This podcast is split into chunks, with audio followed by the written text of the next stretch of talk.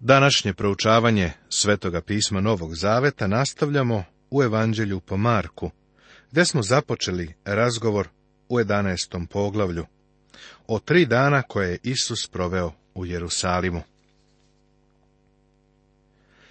I kad se približiše Jerusalimu, kod Vitfage i Vitanije, prema Maslinskoj gori, posla dvojicu svojih učenika.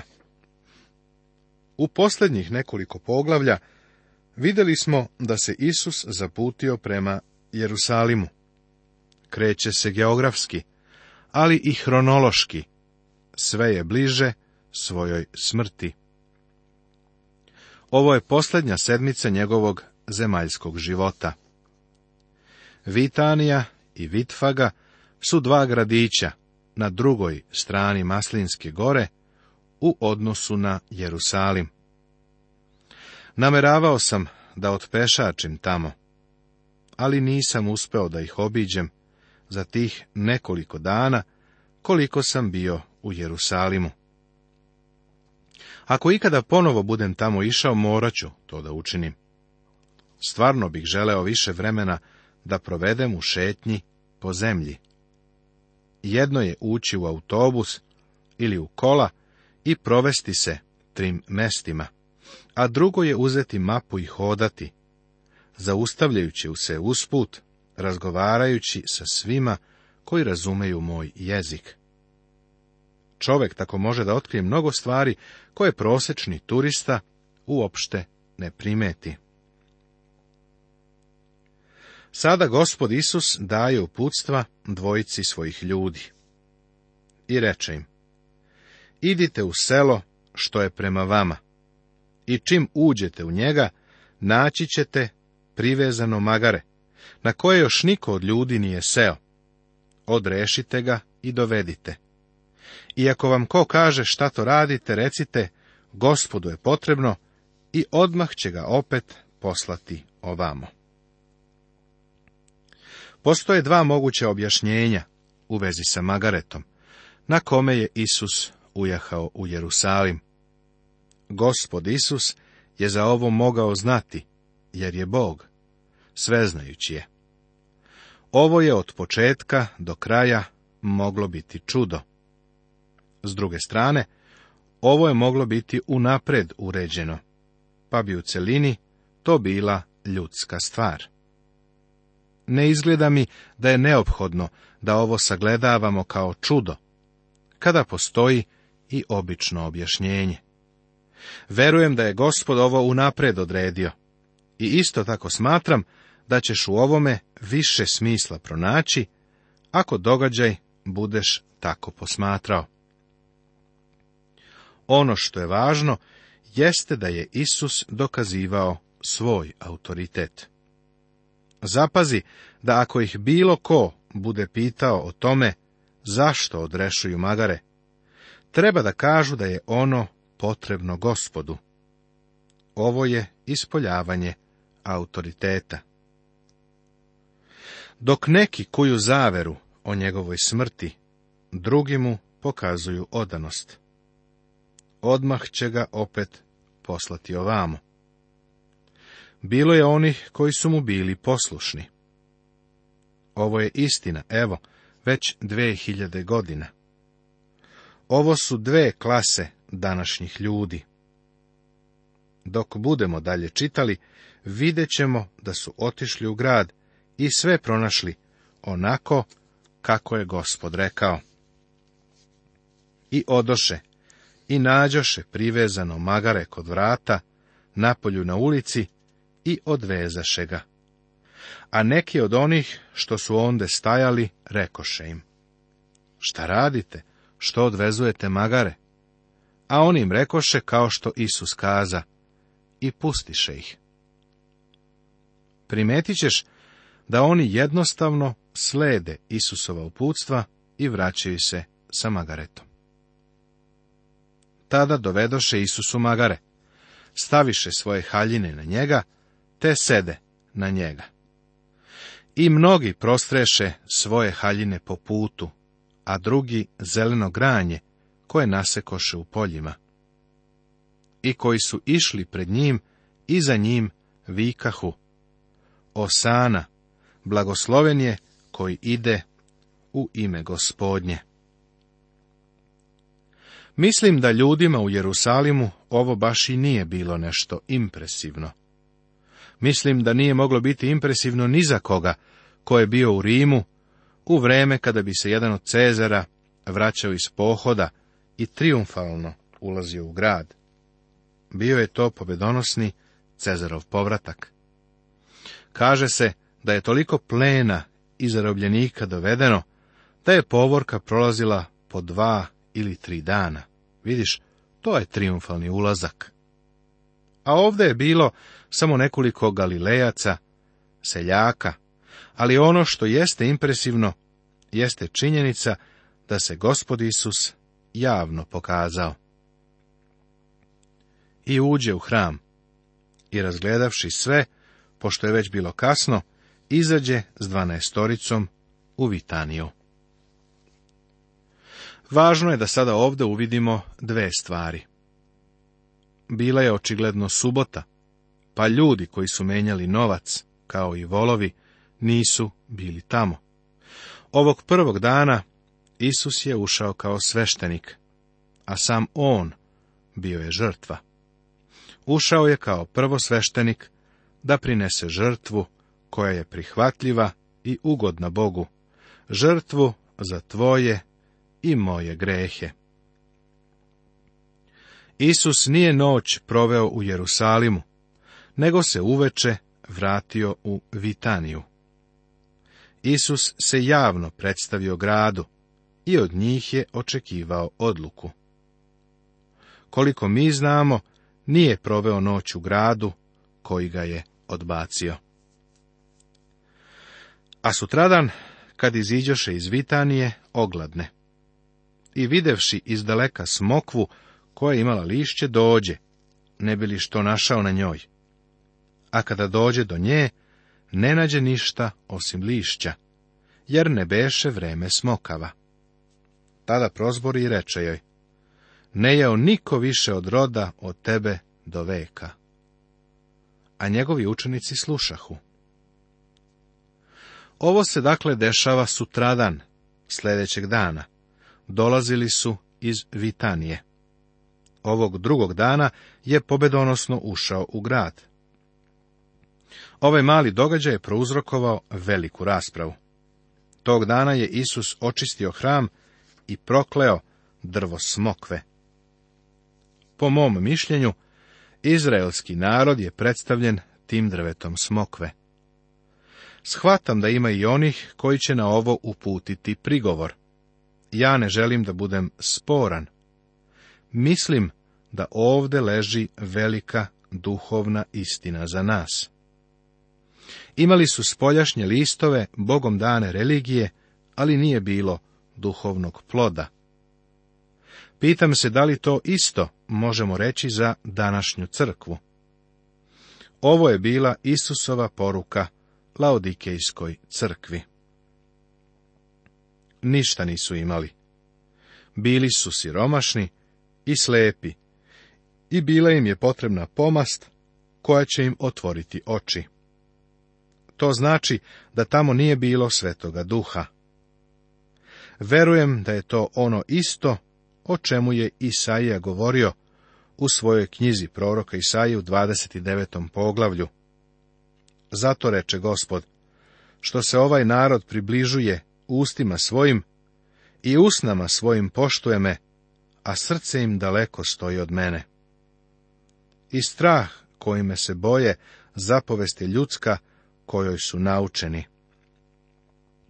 Ovo smatram stanjem današnje crkve. Gospod Isus je prokleo smokvino drvo, pa se ono osušilo. I dođoše u Jerusalim. I ušavši u hram, poče izgoniti one koji prodavahu i kupovahu u hramu, te ispremeta stolove menjača i stolice prodavaca golubova. Evo ga Isus kako raščišćava hram. Jova nam kaže da ga je očistio na početku svoje službe, a sada ga čisti i na završetku službe. Ovo se desilo drugoga dana i nije bila subota, već nedelja. Menjači novca su sada bili u hramu. Imali su stolice na mestu gde se trgovalo stokom, a tu su bili zbog toga što bi stranci iz drugih zemalja dolazili pa su im zamenjivali novac. Stranci nisu mogli da koriste svoj novac, nego im je bilo potrebno legalno sredstvo plaćanja u hramu. Kada bi menjači novca promenili novac, uzimali su izvestan procenat. Iako je ovo služilo i dobroj nameri, nevolja je bila u tome što je prema gospodnjim rečima hram postao razbojnička pećina. Ovo se pretvorilo u religijski reket.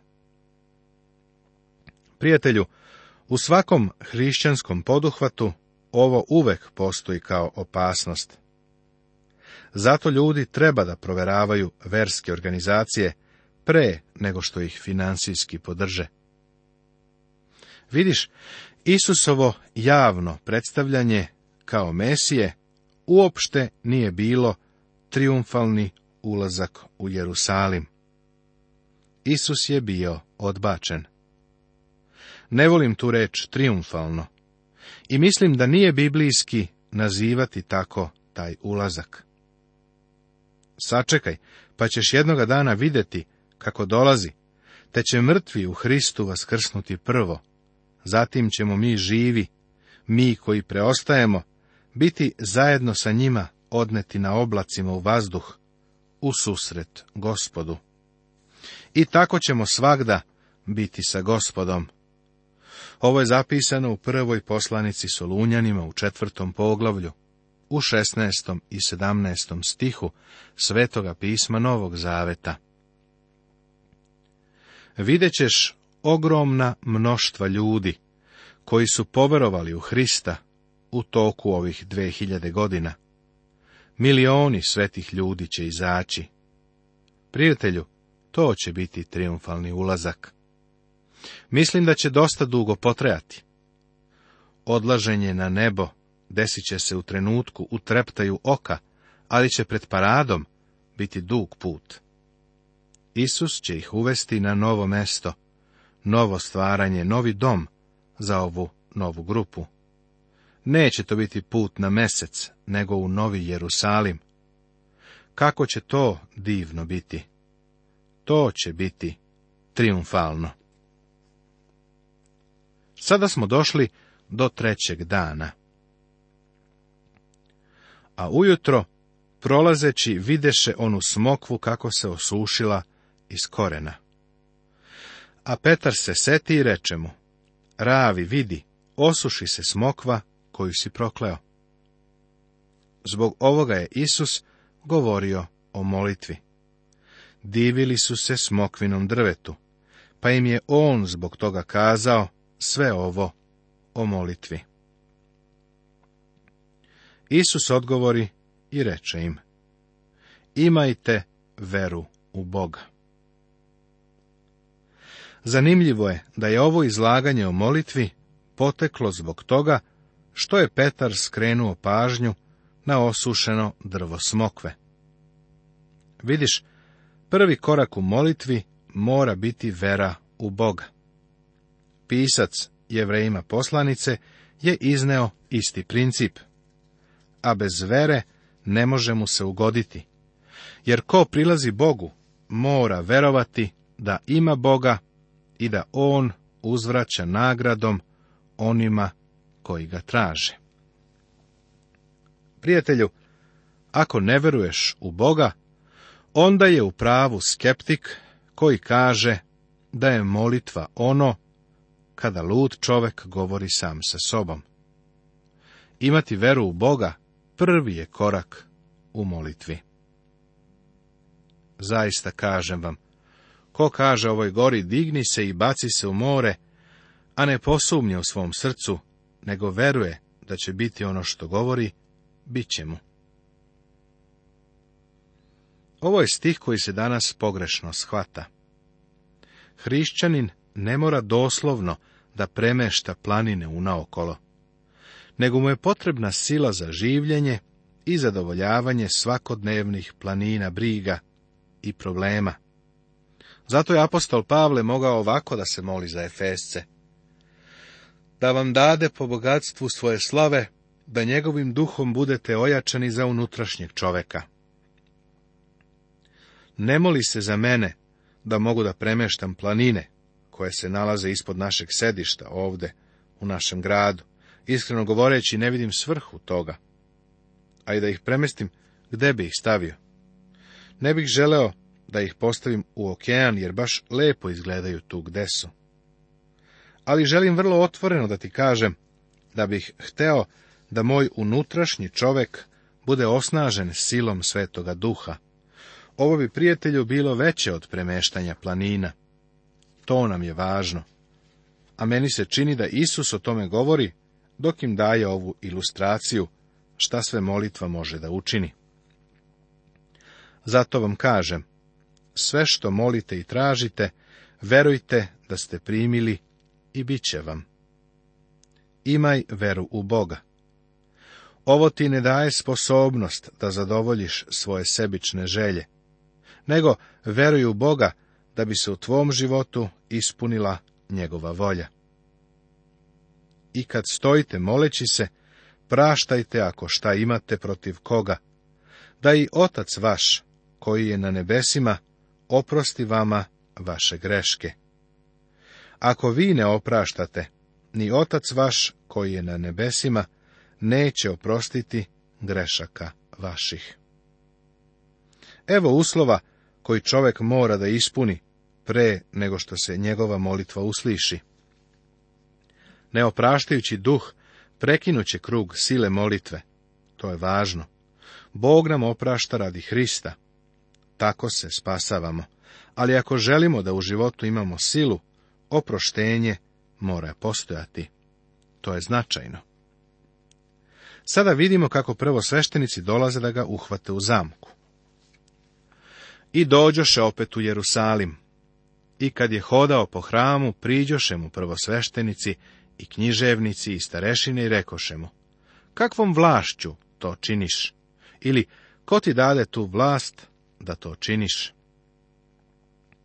Vidiš i dalje ga prate ovi poslanici mržnje. Stalno mu se suprotstavljaju. Proveravaju njegov autoritet.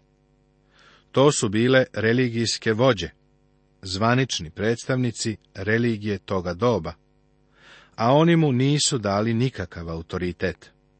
Zato žele da znaju otkuda potiče autoritet koji on ima. A Isus im reče, zapitaću vas jednu reč i odgovorite mi, pa ću vam kazati kakvom vlašću činim ovo. Beše li Jovanovo krštenje s neba ili od ljudi? Odgovorite mi.